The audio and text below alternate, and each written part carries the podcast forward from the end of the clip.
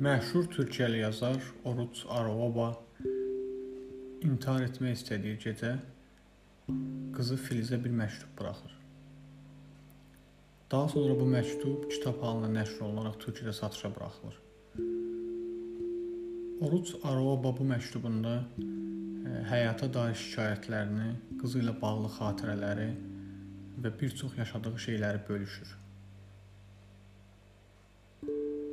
Həmin gecə Oruc Arabanın intihar arzuları baş tutmur. Amma ondan geriyə bizə çox gözəl məktub qalır. İndi mən sizə bu əsəri və ya bu məktubu səsləndirməyə çalışacağam. Xoş dinləmələr. Sevgili qızım, çətinliklə yazıram. Əlim narahatdır, titrəyir. Ona görə də yazım əyri-üyrü olur. Bu kiçik dəftəri də özüm hazırladım. Səhifələri kəsərkən o da biraz səliqəsiz oldu. Üzrlü hesab et. Yazdıqlarımı indi oxuyarkən məni yaxşıca başa düşəcək yaşda olacaqsan. İllər keçəcək, böyüyəcəksən. O zaman mənə balaca ikən bəslədiyin hisslər bəlkə də indi bir-iki xatirə ilişib qalmış olacaq bəlkə də çox böyük bir boşluğun çox incə səpərlərinə dönüşəcək. Amma bu xırda xatirələrdən onların mənasını çıxara biləcək yaşa gəlmiş olacaqsan. İllər boyunca da düşünə-düşünə o mənanı çıxaracaqsan. Bunu ummuram, bunu bilirəm. Çünki səndə hələ o yaşda belə o mənanı qavraya biləcək gücü görmüşdüm. Yəni indi görürəm. Xatırlayırsan, sənin üçün mənim qızım insan olacaq demişdim. Sən mənim bu sözümü elə o anda beyninə qazımış, amma üzümə də heyrətlə baxmışdın. O heyrətləndiyin anı xatırlayırsan, elə deyilmi? Əlbəttə, qürurla və biraz da iftixarla söyləmişdim o sözü. Amma üzümdə bir hüzün, bir kədər də görmüşdüm. Təəccüblənmişdim. Çox da başa düşə bilməmişdim bunu. Bu gün başa düşübsən yəqin ki. Başa düşdüyünü bilirəm. O qürur ilə o kədər necə bir arada ola bilər? Artıq bilirsən. İnsan olan insan çox azdır. Bunu başa düşdün neçə illər sonra və bir də bunu insan insan olduqdan sonra əziyyət çəkir. Bunları qavraman sənin insan olacağını görən atanın qürurlu kədəri ilə kədərli qürurunu dərk etmənə səbəb olmuşdur. Amma bax, sənə indi buradan illər öncəsindən indi sənə orada illər sonrasına bunu söyləyirəm. Bunları söyləmək üçün yazıram. Nə xoşbəxt sənə ki, insan ola bilmənin əzabını çəkə bilirsən. Bu illər ərzində də çəkdin. Və mən illərdən öncəki atan indi orada illər sonrasında olsaydım, üzümdə görəcəyin artıq kədər deyil, yalnız qürur olacaqdı.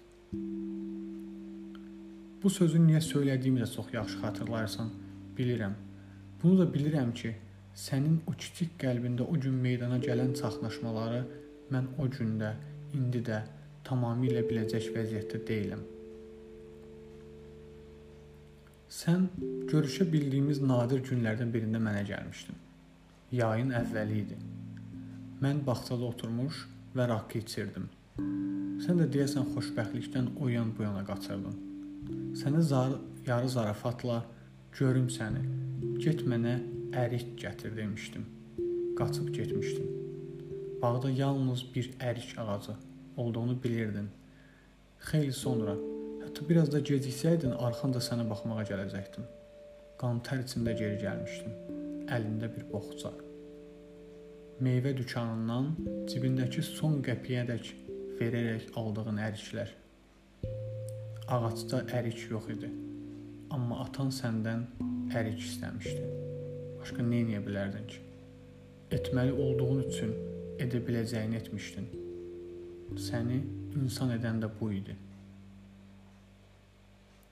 Artıq bu yaşa gəldiyinə görə öyrənibsən. Bilirsən, bilirəm. Elə insanlar var ki, ataları onlardan ərik istəsə, gedib ötəri baxıb, ağacda ərik yoxdur deyə bilərlər. Belə insanlar tanıyıbsan, bilirsən. Amma sən sənin edə biləcəyin, çünki etməli olduğun tək bir şey var idi. Atana ərik tapmaq. Nağıllarda da olduğu kimi bütün əriklər Kaf dağının arxasında da olsa, o zaman sən zümrüdü anka quşu tapıb belinə atlanıb yola düşərdin.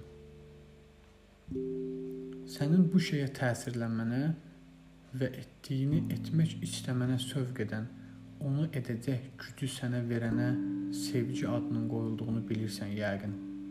Bol-bol hər kəs ondan danışır. O ərik yoxdur deyənlər də istifadə edir bu sözü.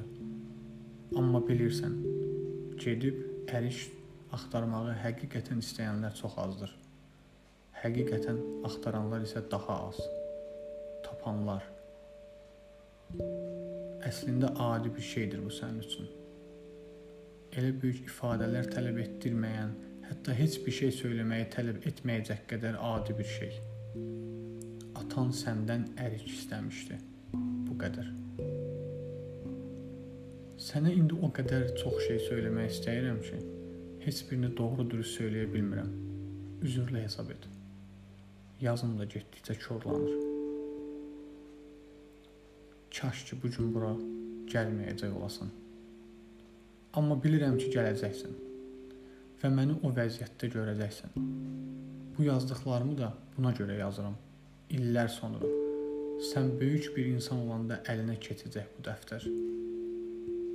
O zaman atanla bağlı hər biri canlı, amma solğun xatirələr olaraq qalmış bəzi hadisələri hərçənd daha da yaxşı başa düşəcək deyilsən. Onları zaten inkişaf edən şuurunla yerbəyə yetmiş olacaqsan. Amma onları mənim gözümdən, mənim o illər öncə gördüyüm formada görə biləcəksən. Bir də umuram ki, bunları eyni nöqteyi nəzərin məhsulu olduqlarına görəcəksən. Təbii ki, mən indi yazdıqlarımı sona çatdıra bilsəm, əlimin titrəməsi buna icazə versə. Biraz əvvəl çölə çıxdım. Gəzişdim, dənizə baxdım. O qədər də kədərləndirmədi məni. Artıq çıxıb gedəcəyim bu dünya. Çox qəribə gəlir mənə. Sənə böyük bir insana deyiləcək şəkildə yazmaq. Amma özümü buna məcbur edirəm. Səni o yaşda görməyə, sənə elə yazmağa. Bu dünya o qədər də çox şey vermədi mənə. Nə xoşdur ki, mən də ona çox şey bir şey vermədim. Amma başlanğıcda elə deyildi. Gəncliyimdə mən də həvəslə, ehtirasla atılmışdım həyata. Ananı sevmiş, işimdə də uğurlu olmaq istəmişdim. Sonra bilirsən, işimi də, ananı da itirdim, hər şeyimi. Bəs necə oldu bu hala düşdüm? Sənə izah etməyə çalışacağam. Ümid edirəm anlayacaqsan. Çünki bu paylaşacağımı başa düşəcəyindən çox da əmin deyiləm. Çünki bəlkə mən də tam olaraq başa düşməmişəm və izah edə bilmirəm. Həvəs, ehtiras dedim. Bu hisslərlə, bunu istəyərək atıldım həyata. Tanınmaq, insanların, əsas da yaxınlarımın məni tanıması, etdiyim şeyləri görmələrini, nə etdiyimi başa düşmələrini, bax, sevsinlər, hörmət etsinlər demirəm.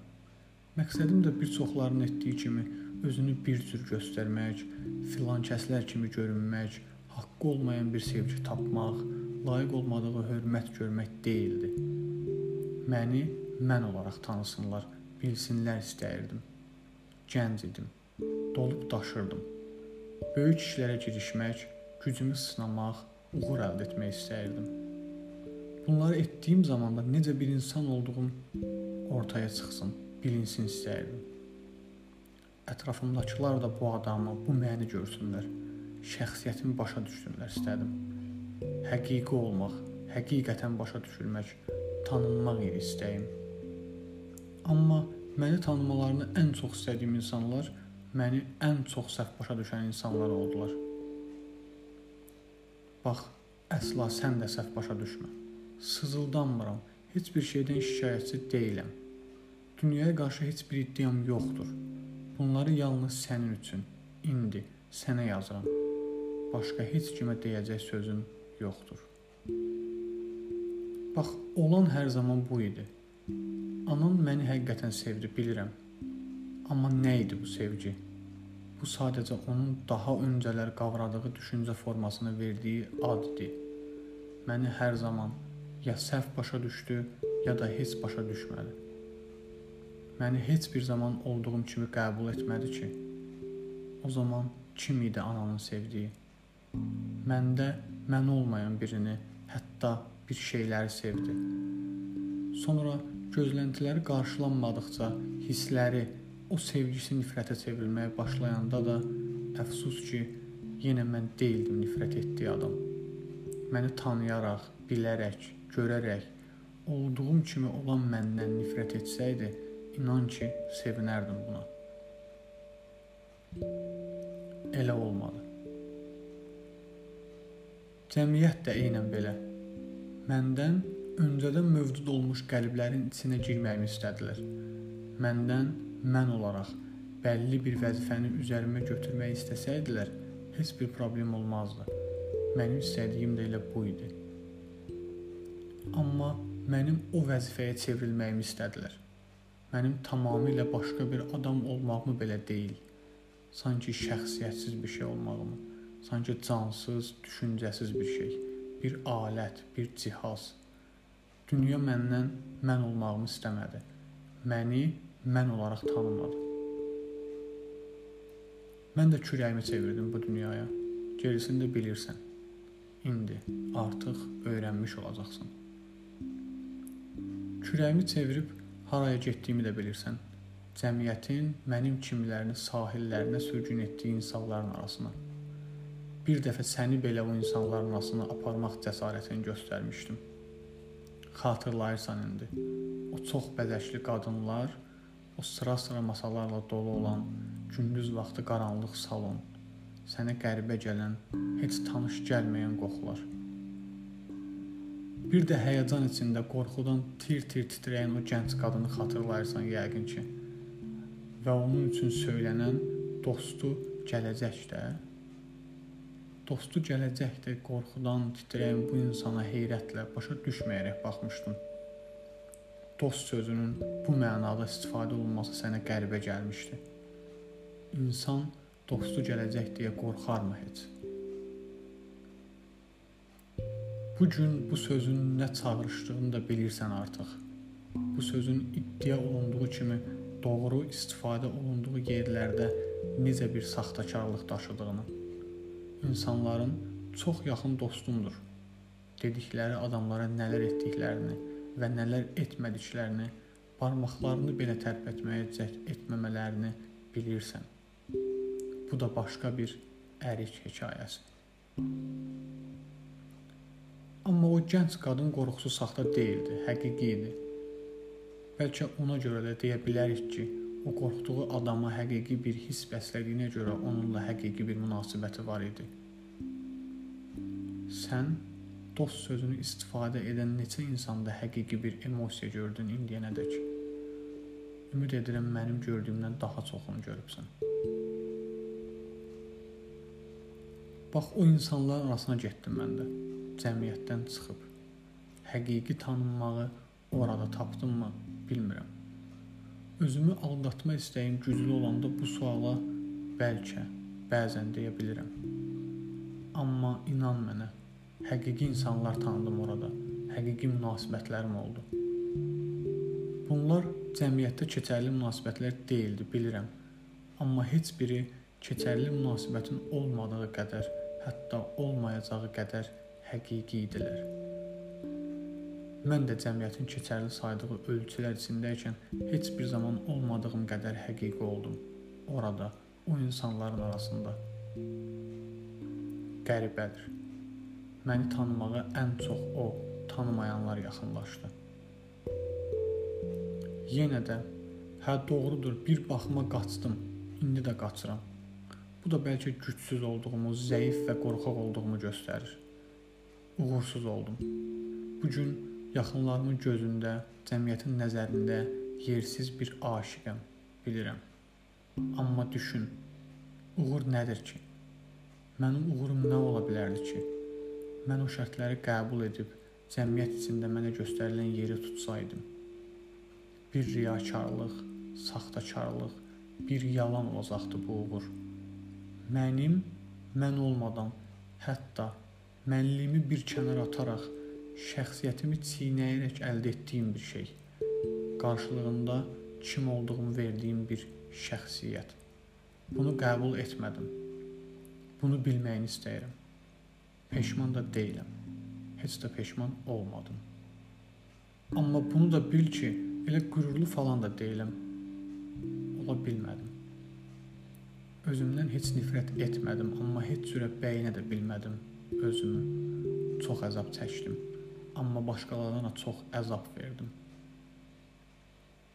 Bu da insan çox da fəxr edəcək bir şey deyil. Özümü haqlı hesab etmirəm, amma özümü müdafiə də etmirəm. Hələ mühakimə etməyi heç bacarmıram. Özümü də, dünyanı da. Dünya nədirsə o idi. Mən də nə idimsə o idim. Uyğunlaşa bilmədik. Olan sadəcə bu idi. Bəzən bütün bunlara geri dönüb baxdığımda bir şey düşünürəm. Görəsən bəzi şeylər başqa cür edə bilməz, həyatım başqa bir formada yaşaya bilməzdim. Daha az əzab çəkib, daha azını çəkdirə bilməz miydim? Bilmirəm. Bəlkə. Bəlkə də yox. Amma bunu bilirəm. Yaşam bir dəfəlikdir. Bir adam da kimdirsə, elə odur. Mən də ancaq belə yaşadığım kimi yaşadım. Başqa cür edə bilməzdim. Başqa cür etməyi istəyərdimmi? Hesab edirəm ki, yox. Bəs bütün bunları yenidən yaşamaq vəziyyətində qalsaydım, bunu istəyərdimmi? Hesab edirəm ki, hə. Çünki olduğumdan fərqli biri olmaq istəməzdim. Bütün səfilliyimlə, qüsurlarımla, çatışmazlıqlarımla mən mənəm. Həyatım da belə olacaqdı. Ki, elə də oldu. İndi artıq tək bir məqsədim var. Bu da həyata keçməsi üçün mənim yaşamağıma ehtiyac duyulan bir şey deyil. Sənin məni tanımağın. Bilirəm, ağlında qalacaq o bir-iki xatirə illər keçdikcə. Sən ananı, cəmiyyəti, insanları tanıdıqca onlarda görəcəklərinin içində anlaşılacaq sənə yavaş-yavaş atanın həqiqi mənliyini göstərəcək. Əslində mənim bütün bunları indi yazmağıma ehtiyac yox idi. Bunu da bilirəm. Buna görə də bu kiçik dəftər sənə həyatın ortasına gələndə çatdırılacaq. Sən də burada yazdıqlarımda artıq çoxdan bildiyin şeyləri tapacaqsan. Bu məktub heç də yeni bir şey izah etməyəcək sənə, amma hər hansı bir şeyi də təsdiqləməyəcək. Onsuz da boşunadır bütün bu yazdıqlarım. Bircə hə, bax bircə bu. Məni tanıyacaqsan. Başqa bir şey də istəməmişdim onsuz bütün həyatım boyu. Qəribə deyilmi? İndi həyatım boyu istəyib də əldə edə bilmədiyim şeyə indi öldükdən illər sonra qovuşmaq. Artıq hazırlanmalıyam.